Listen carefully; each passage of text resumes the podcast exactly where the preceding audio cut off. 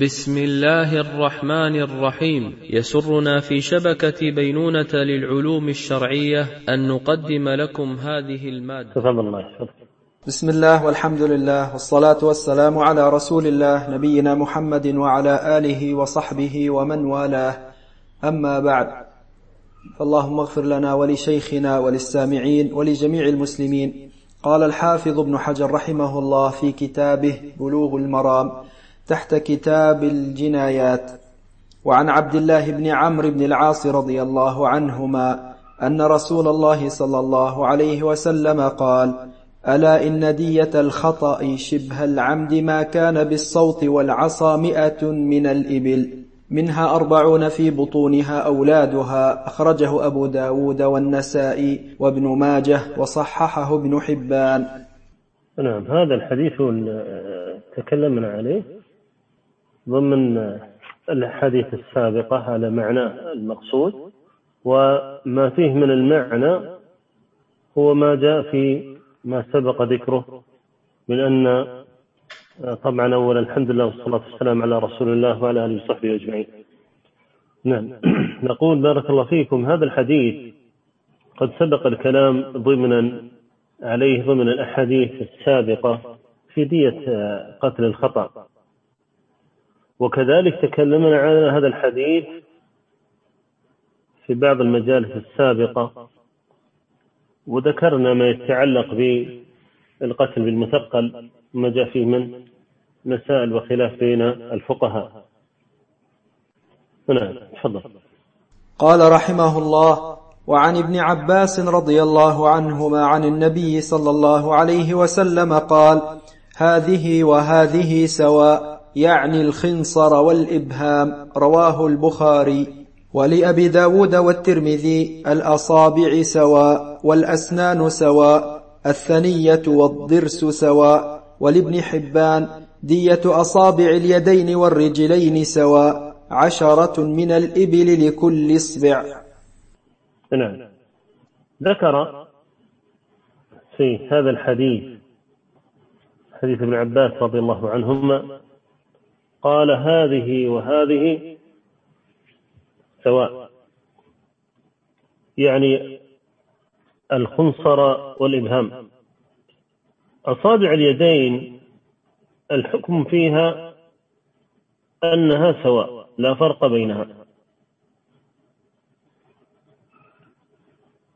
سواء كان الخنصر أو الخنصر يقال الخنصر ويقال الخنصر.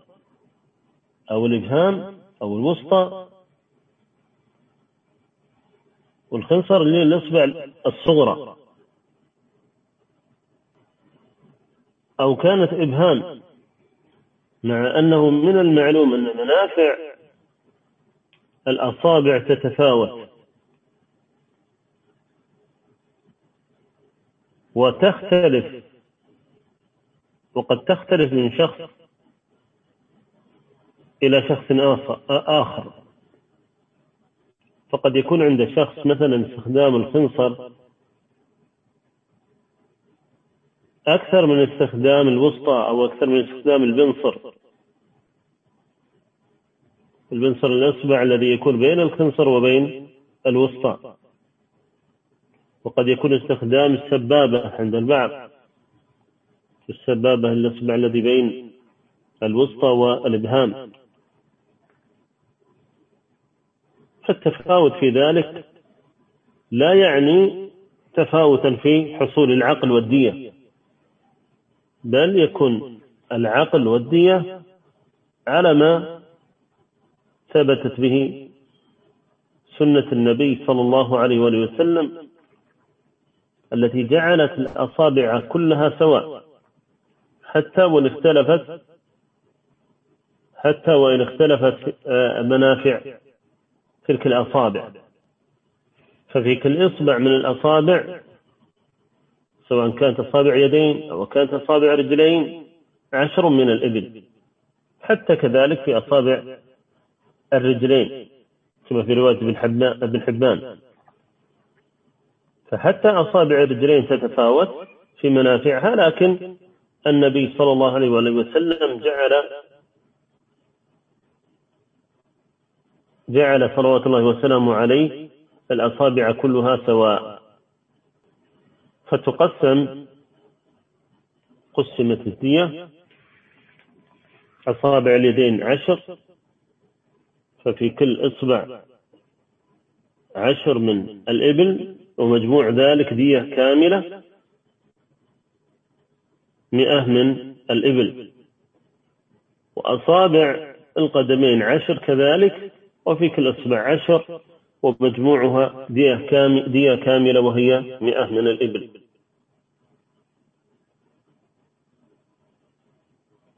وكذلك جعل هذا الحديث دية الأسنان سواء. فدية الناب مثل دية الضرس مثل دية الثنية كلها سواء. كلها سواء. سواء كان ثنية أو كان ضرس أو كان ناب كلها سواء في حكم في تساوي الدية. وقلنا أن الثنية هي أحد الأسنان الأربعة التي في مقدم في مقدم الفم اثنان من الأعلى واثنان من الأسفل.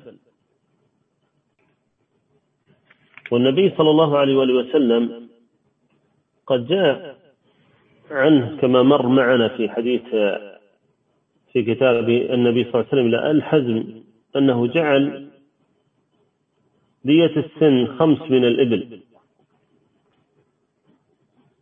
فجعل النبي صلى الله عليه وسلم دية السن الواحدة خمسا من خمسا من الإبل. والشريعة لها في ذلك الحكمة والمقصود من جعل التقدير هذه الدية على هذا النحو حسما لمادة الخلاف بين الناس ولأجل تفاوت المنافع من شخص إلى آخر في مثل هذه الأعضاء والله أعلم. نعم. قال رحمه الله وعن عمرو بن شعيب عن أبيه عن جده رفعه قال من تطبب ولم يكن بالطب معروفا فأصاب نفسا فما دونها فهو ضامن أخرجه الدار قطني وصححه الحاكم وهو عند أبي داود والنسائي وغيرهما إلا أن من أرسله أقوى ممن وصله. وعنه أن النبي صلى الله عليه وسلم قال في المواضيح خمس خمس من الإبل رواه أحمد والأربعة وزاد أحمد والأصابع سواء كلهن عشر عشر من الإبل وصححه ابن خزيمة وابن الجارود. نعم حسبك. في المواضح حديث الحديث الثاني في المواضح نعم. ذكر في الحديث الأول حديث عمرو بن شعيب. عن أبيه عن جده. أن النبي صلى الله عليه وسلم قال من تطبب ولم يعلم منه طب قبل ذلك فهو فهو ضامن. وفي لفظ هنا ومن لم يكن بالطب معروفا فأصاب نفسا فما دونها فهو ضامن. واللفظ الآخر الذي اللفظ الذي جاء في السنن من تطبب ولم يعلم منه طب قبل ذلك فهو فهو ضامن. والحديث قد جاء عند أبي داود والنسائي وابن ماجه وقد اختلف في وصله وإرساله كما ذكر المصنف رحمه الله تعالى والحاكم قد قال فيه هذا حديث صحيح الإسناد ولم يخرجاه وقد تكلم في هذا الحديث من جهة أن فيه ابن جريج وهو مدلس وكذلك فيه الوليد بن مسلم وهو مدلس أيضا. لكن قد صرح في رواية الدار قطني بالتحديث. قد صرح بالتحديث في رواية الدار قطني. ومن تكلم في إرساله فمن جهة أن ابن جريج لم يسمع من عمرو بن شعيب. لكن لما جاءت رواية الوليد بن مسلم تصريح في التحديث.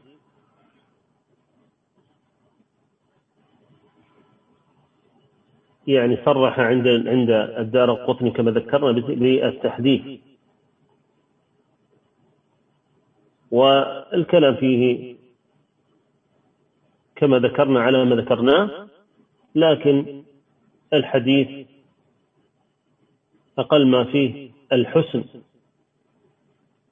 فقد جاء له شاهد عند أبي داود من رواية عبد العزيز بن عمر بن عبد العزيز.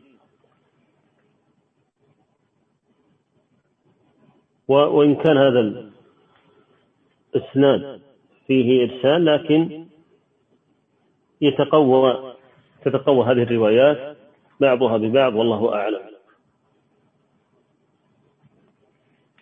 وقوله من تطبب يراد به أنه قد تكلف تعاطي الطب. وقوله فأصاب نفسا فما دونها والمراد بإصابة النفس هو قتلها وإهلاكها فما دونها أي أصاب شيئا من الأعضاء أو المنافع. وقوله فهو ضامن أي أنه يضمن ما حصل من تطببه ذلك. والحديث يقضي بمفهومه على أن من تطبب وقد عرف بالطب ولم يقصد إتلاف النفس فلا شيء عليه لأنه قد بذل في ذلك وسعة. ولا يضمن لأنه قد لأن من العدل أن يعامل من من عرف بالطب أن يعامل بالخير لأنه قصد إحياء تلك النفس لا إهلاكها. لكن قد حصل خلاف مراده. لكن هنا الكلام على من تطبب ولم يعرف بالطب فترتب على ذلك إتلاف النفس. قال بعد ذلك كذلك في رواية عمرو بن شعيب عن أبيه عن جده أن النبي صلى الله عليه وسلم قال في المواضح خمس من الإبل خمس خمس من الإبل. المواضح جمع الموضحة أو الموضحة. وهذا الحديث قد جاء مطولا في المسند من حديث عمرو بن شعيب عن أبيه عن جده. قال لما فتحت مكة على رسول الله صلى الله عليه وسلم كفوا السلاح إلا خزاعة عن بني بكر. فأذن لهم حتى صلى العصر ثم قال كفوا السلاح فلقي رجل من خزاعة رجلا من بني بكر من غد بالمزدلفة فقتله. فبلغ ذلك رسول الله صلى الله عليه وسلم فقام خطيبا فقال ورأيته وهو مسند ظهره إلى الكعبة قال إن أعدى الناس على الله من قتل في الحرم أو قتل غير قاتله أو قتل بدحول الجاهلية. فقام إليه رجل فقال إن فلانا ابني فقال رسول الله صلى الله عليه وسلم لا دعوة في الإسلام. ذهب أمر الجاهلية الولد للفراش وللعاهر الأثلب قالوا وما الأثلب قال الحجر. ثم قال وفي الأصابع عشر عشر وفي المواضح خمس خمس. الحديث إلى آخره. وقد مر معنا الكلام على الموضحة وما فيها. وكذلك الكلام على الأصابع وما فيها والحديث حديث حسن والله أعلم. نعم. قال رحمه الله وعنه قال قال رسول الله صلى الله عليه وسلم عقل أهل الذمة نصف عقل المسلمين رواه أحمد والأربعة ولفظ أبي داود دية المعاهد نصف دية الحر. وللنساء عقل المرأة مثل عقل الرجل حتى يبلغ الثلث من ديتها وصححه ابن خزيمة. حسبك حفظك الله. طيب ذكر هنا حديث عمرو بن شعيب وأن ترى هنا تكرار أحاديث عمرو بن شعيب. وحديث عمرو بن شعيب عن أبيه عن جده هذه التي جاءت في ذكر الحديث التي جاءت في الديات وغيرها من الأحاديث بلا شك. هي صحيفة. وقد كثر النقل هنا عن هذه الصحيفة صحيفة عمرو بن شعيب أو ما جاء عن عمرو بن شعيب عن أبيه عن جده في مثل هذه الأحاديث. يقول هنا وعنه قال قال رسول الله صلى الله عليه وسلم عقل أهل الذمة نصف عقل المسلمين رواه أحمد والأربعة. ولفظ أبي داود دية المعاهد نصف دية الحر. وللنساء عقل المرأة مثل عقل الرجل حتى يبلغ الثلث من ديتها وصححه ابن خزيمة. هنا ذكر في هذا الأحاديث مسألتان. المسألة الأولى وإن كنا قد أشرنا إليها ضمن ما تكلمنا عليه من المسائل وهي مسألة تقدير العقل لأهل الذمة. وهي من المسائل التي اختلف فيها الفقهاء عليهم رحمة الله تعالى اختلافا كبيرا. فهل تكون عقل يكون عقل الذمي على النصف من عقل المسلمين. أو يكون عقل الذمي مساويا لعقل المسلم. أو ثمة فرق هنالك واختلاف في هذه المسائل. أولا في الأحاديث الواردة في في ذلك. الحديث الأول حديث عمرو بن شعيب. عن أبيه عن جده الذي أخرجه أحمد والأربعة. هذا الحديث في إسناده ابن جريج وقد دلسه.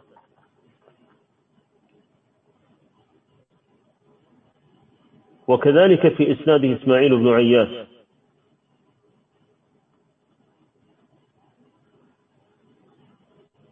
وقد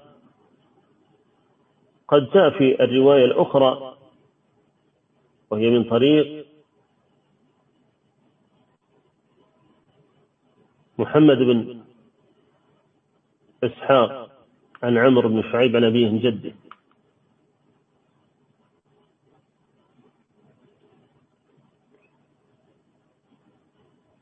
وهذا الحديث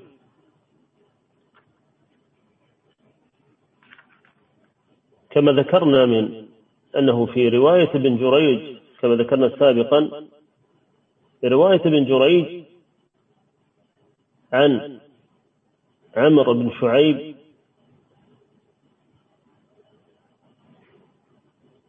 مرسلة هو الصحيح من أقوال أهل الحديث في هذا الشأن. ولم يثبت سماع ابن جريج من عمرو بن شعيب. وقد جاء في لفظ النساء عقل أهل الذمة نصف عقل المسلمين وهم اليهود والنصارى.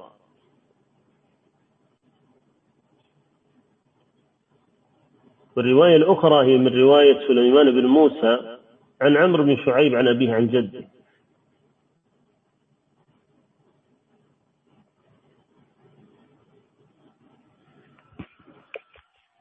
والحديث حسنه الألباني رحمه الله تعالى وهو نص في هذا الباب. الحديث نص في هذا الباب. والفقهاء كما ذكرنا قد اختلفوا في الدية المفروضة للذمي.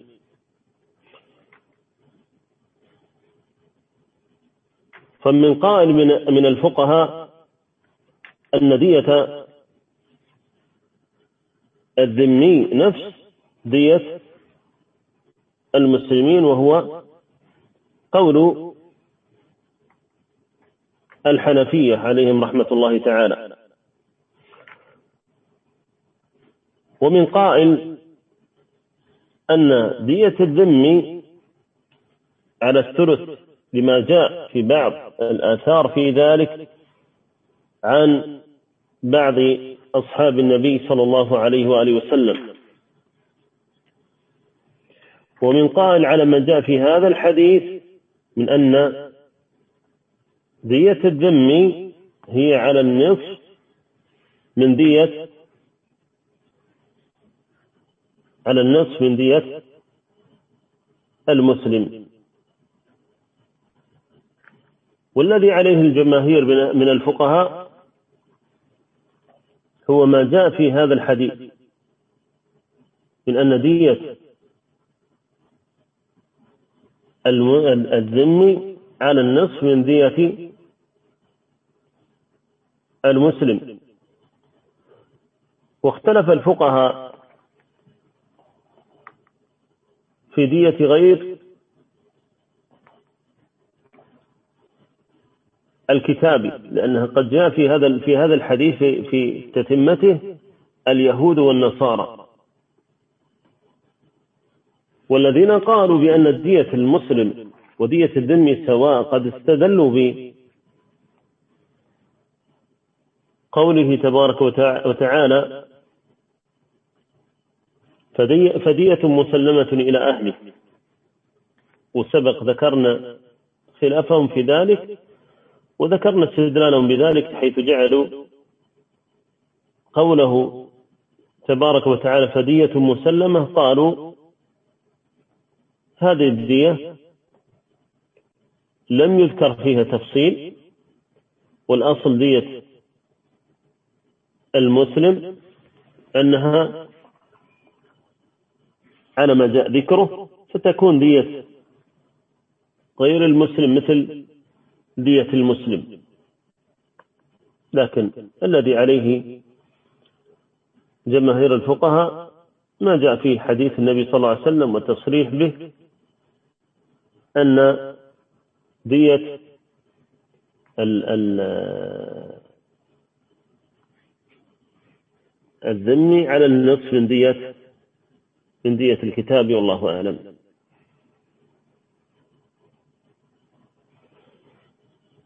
ثم ذكر في هذا الحديث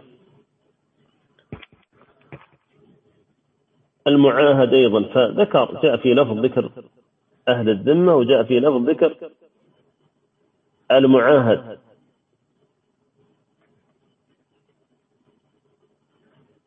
ومن المعلوم أن أهل الذمة هم من كان له إما عهد أمان فيكون لهم أو عهد جزية ويكونون في بلاد الإسلام على هذه العهود أو يكون بيننا وبينهم عهد. والمعاهد هو الذي دخل آه، بلاد الإسلام بعهد أمان. كما قال النبي صلى الله عليه وسلم ذمة المسلمين واحدة تجري بذمتهم أدناهم أو كما قال صلى الله عليه وسلم وقال من قدر معاهدا لم يرح رائحة الجنة. ثم ذكر عقل المرأة وفيه عقل المرأة مثل عقل الرجل. وهذا من أسباب الخلاف في دية المرأة بين الفقهاء. وسبقت سبق الكلام على خلاف الفقهاء في دية المرأة. أو سبق معذر الكلام معذر الكلام على كلام الفقهاء في دية المرأة فيما دون النفس سبقت الإشارة إليه. وذكرنا هنالك أن دية المرأة على النصف من دية الرجل هذا بالإجماع في النفس والخلاف فيما دون النفس. وهذا الحديث قد جاء نص في هذه المسألة. وجعل فيه أن عقل المرأة مثل عقل الرجل فتكون ديتها في الأعضاء وفي الجراحات مثل دية الرجل. لأننا ذكرنا أن هنالك إجماع في النفس. فيحمل هذا الحديث على ما دون على ما دون النفس. يحمل هذا الحديث على ما دون النفس. وهنا يؤكد هذا المعنى في قوله حتى يبلغ الثلث. إذا المعنى لما قال حتى يبلغ الثلث إذا ليس المراد دية النفس. والمقصود إذا بلغت دية المرأة الثلث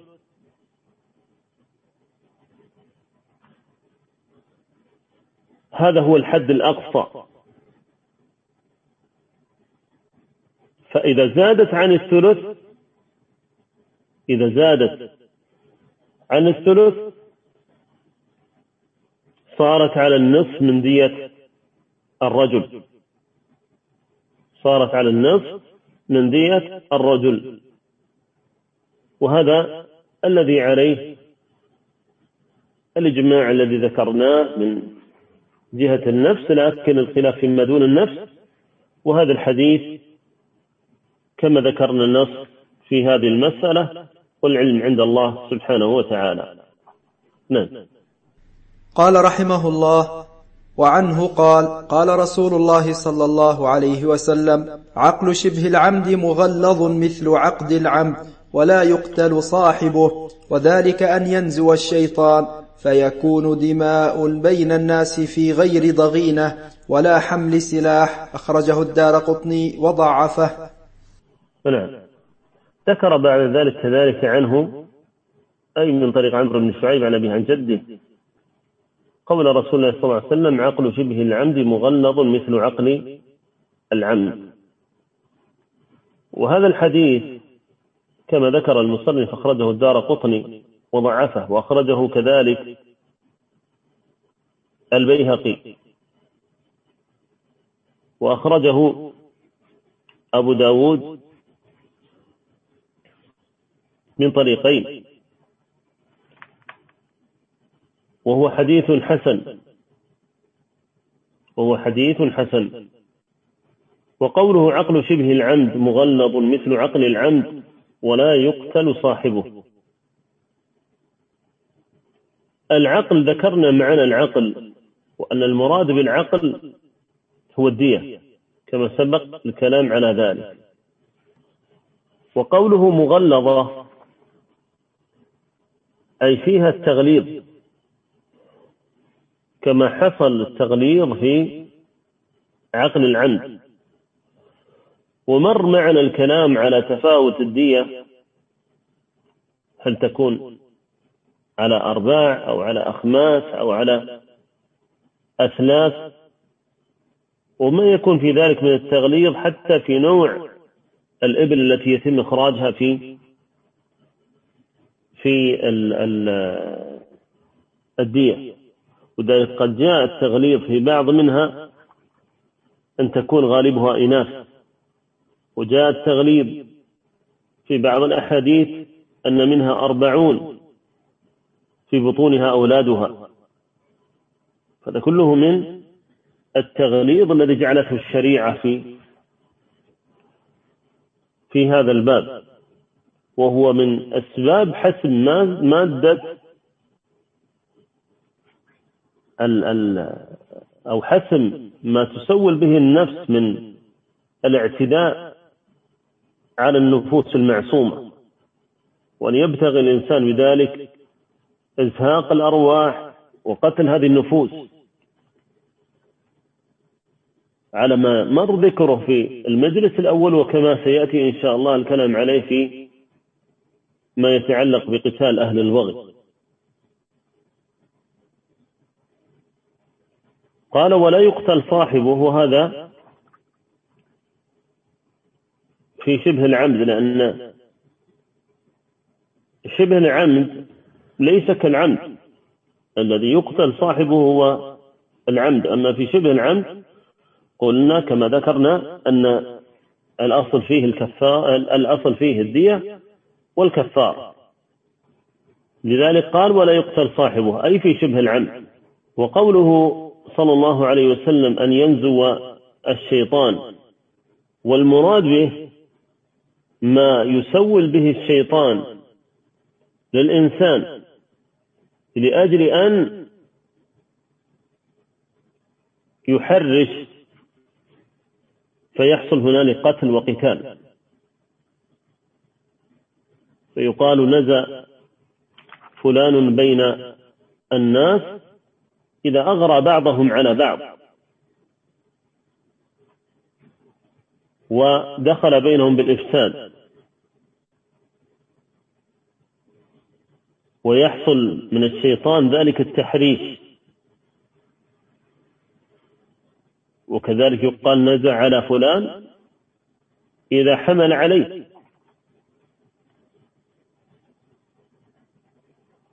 ومنه إذا قيل نزل فحل. قال فتكون دماء. أي بسبب ذلك القتل شبه العمد. حين ينزو الشيطان. وقوله في غير ضغينة أي في غير حقد ولا عداوة. وليس كالقتل العمد الذي يكون فيه العدوان على ما مر تعريفه وبيانه والكلام فيه. وذلك يحصل القتل فيه بآلة لا تقتل غالبا فلا, فلا يكون القتل مقصودا هنا. بخلاف العمد الذي يكون القتل مقصودا فيه. لكن هنا يكون القتل غير مقصود لكنه لأنه استعمل آلة يعني لا تقتل أو أنه قد فعل فعلا مما قد يكون هو من أسباب القتل العمد. فكأنما كان ذلك شبه عمد قد يكون القصد متوافر لكنه لم يحصل فيه تلك الدوافع التي تحصل في دافع العمد على التفاصيل التي ذكرناها في في المجلس الأول والله أعلم. وقال في غير ضغينة ولا حمل سلاح. لأن حمل السلاح من أسباب القتل العمد. هنا هذا قتل عمد ليس قتل خطأ إذا كان حمل سلاح. وهو إشارة ضمنية إلى أن الآلة لها أثر في الحكم المترتب على هذا القتل الحاصل من هذا هذه الجناية والله أعلم. نعم. قال رحمه الله وعن ابن عباس رضي الله عنهما قال قتل رجل رجلا على عهد رسول الله صلى الله عليه وسلم فجعل النبي صلى الله عليه وسلم ديته اثنا عشر ألفا رواه الأربعة ورجح النسائي وأبو حاتم إرساله. ذكر بعد ذلك حديث ابن عباس رضي الله عنهما. وهذا الحديث فيه قتل أن رجلا قتل رجلا على عهد النبي صلى الله عليه وسلم فجعل النبي صلى الله عليه وسلم ديته اثنا عشر ألفا. هذا الحديث قد جاء قد جاء في إسناده محمد بن مسلم محمد بن مسلم الطائفي. ومحمد بن مسلم الطائفي مختلف في الاحتجاج به من أهل العلم من وثقه ومنهم من ضعفه. وممن ضعفه أحمد والنسائي وغيرهما عليهم رحمة الله تعالى. وقال الترمذي رحمه الله تعالى لا نعلم أحدا يذكر في هذا الحديث عن ابن عباس غير محمد بن مسلم. والنسائي عليه رحمة الله تعالى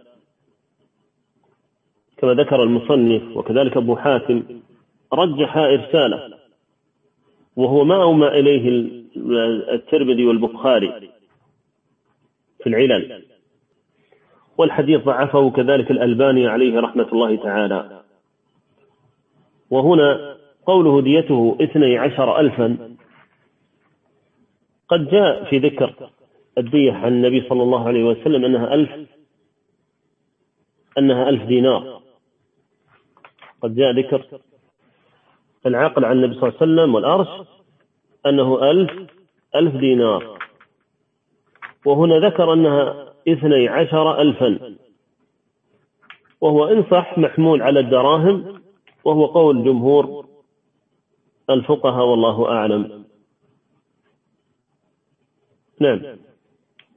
قال رحمه الله وعن أبي رمثة رضي الله عنه قال أتيت النبي صلى الله عليه وسلم ومعي ابني فقال من هذا؟ فقلت ابني وأشهد به. فقال أما إنه لا يجني عليك ولا تجني عليه. رواه النسائي وأبو داود وصححه ابن خزيمة وابن الجارود. نعم. هذا الحديث قد جاء من حديث أبي أبي رمسة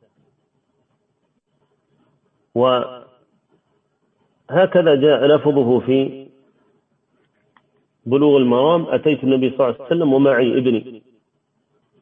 وفي سنن أبي داود والنسائي انطلقت مع أبي. ولعل هذه الرواية هي رواية ابن الجارود في قوله ومعي ابني. فقال من هذا؟ قلت ابني أشهد به. قال أما إنك إنه لا يجني عليك ولا تجني عليه طبعا هذا الحديث قد جاء من رواية جماعة من الصحابة كما ذكر الألباني رحمه الله تعالى في الإرواء. قال وقد جاء من رواية جماعة من أصحاب النبي صلى الله عليه وسلم منهم أبو رمتة وعمر بن الأحوص وثعلبة بن زهدم وطارق المحاربي والخشخاش العنبري وأسامة بن الشريك ولقيط بن عامر ثم ساق رحمه الله تعالى تلك تلك الروايات. والحديث صحيح عن النبي صلى الله عليه وسلم صححه غير واحد منهم ابن خزيمة وابن حبان وابن الجارود. وفيه أنه قال من هذا؟ قال قلت ابني. قال ضبطت أشهد به وضبطت, وضبطت كذلك اشهد به. وكأنه قال أشهد به أي أشهد به أنه ابني. أو اشهد به أي اشهد يا رسول الله أنه ابني. أي اشهد يا رسول الله أنه ابني. بهمزة الوصل يكون كأنه فعل أمر. قال أما إنه لا يجني عليك ولا تجني عليه والمراد هنا في الجناية. والمراد هنا في الجناية. والمقصود أنك لا تجني عليه ولا يجني عليك أن كل واحد محاسب عن فعله ولا يؤخذ الأب بجريرة الابن ذنب الابن ولا يؤخذ الابن بجريرة ذنب الأب. فلو قتل الأب لا يؤخذ الابن بجريرة قتل الأب لغيره فيقتص من الابن. ولا يقتص من الأب إذا قتل ابنه أحدا غيره. فلا يؤاخذ الابن بفعل الأب ولا يؤاخذ الأب بفعل الابن. إلا ما جاء في الكلام على العاقلة وهل يكون ال ال الابن والأب في ضمن العاقلة لا على الخلاف بين أهل العلم الذي صبر سبقت الإشارة سبقت الإشارة إليه. وإلا فلا يجني الأب يعني أي لا يتحمل الأب جناية الابن ولا يتحمل الابن جناية لا يتحمل الابن جناية الأب كذلك. والله سبحانه وتعالى قد قال في كتابه الكريم ولا تزر وازرة وزر أخرى. هذا هو المقصود لهذا الحديث والله أعلم. ولعلنا نقف هنا. صلى الله أن يوفقنا وإياكم من يحب ويرضى. والله أعلى وأعلم. صلى الله وسلم على نبينا محمد وعلى آله وصحبه أجمعين. ونرجع إن شاء الله بعد. صلاة العشاء. للاستماع إلى الدروس المباشرة والمسجلة والمزيد من الصوتيات يرجى زيارة شبكة بينونة للعلوم الشرعية على الرابط بينونة دوت نت وجزاكم الله خيرا.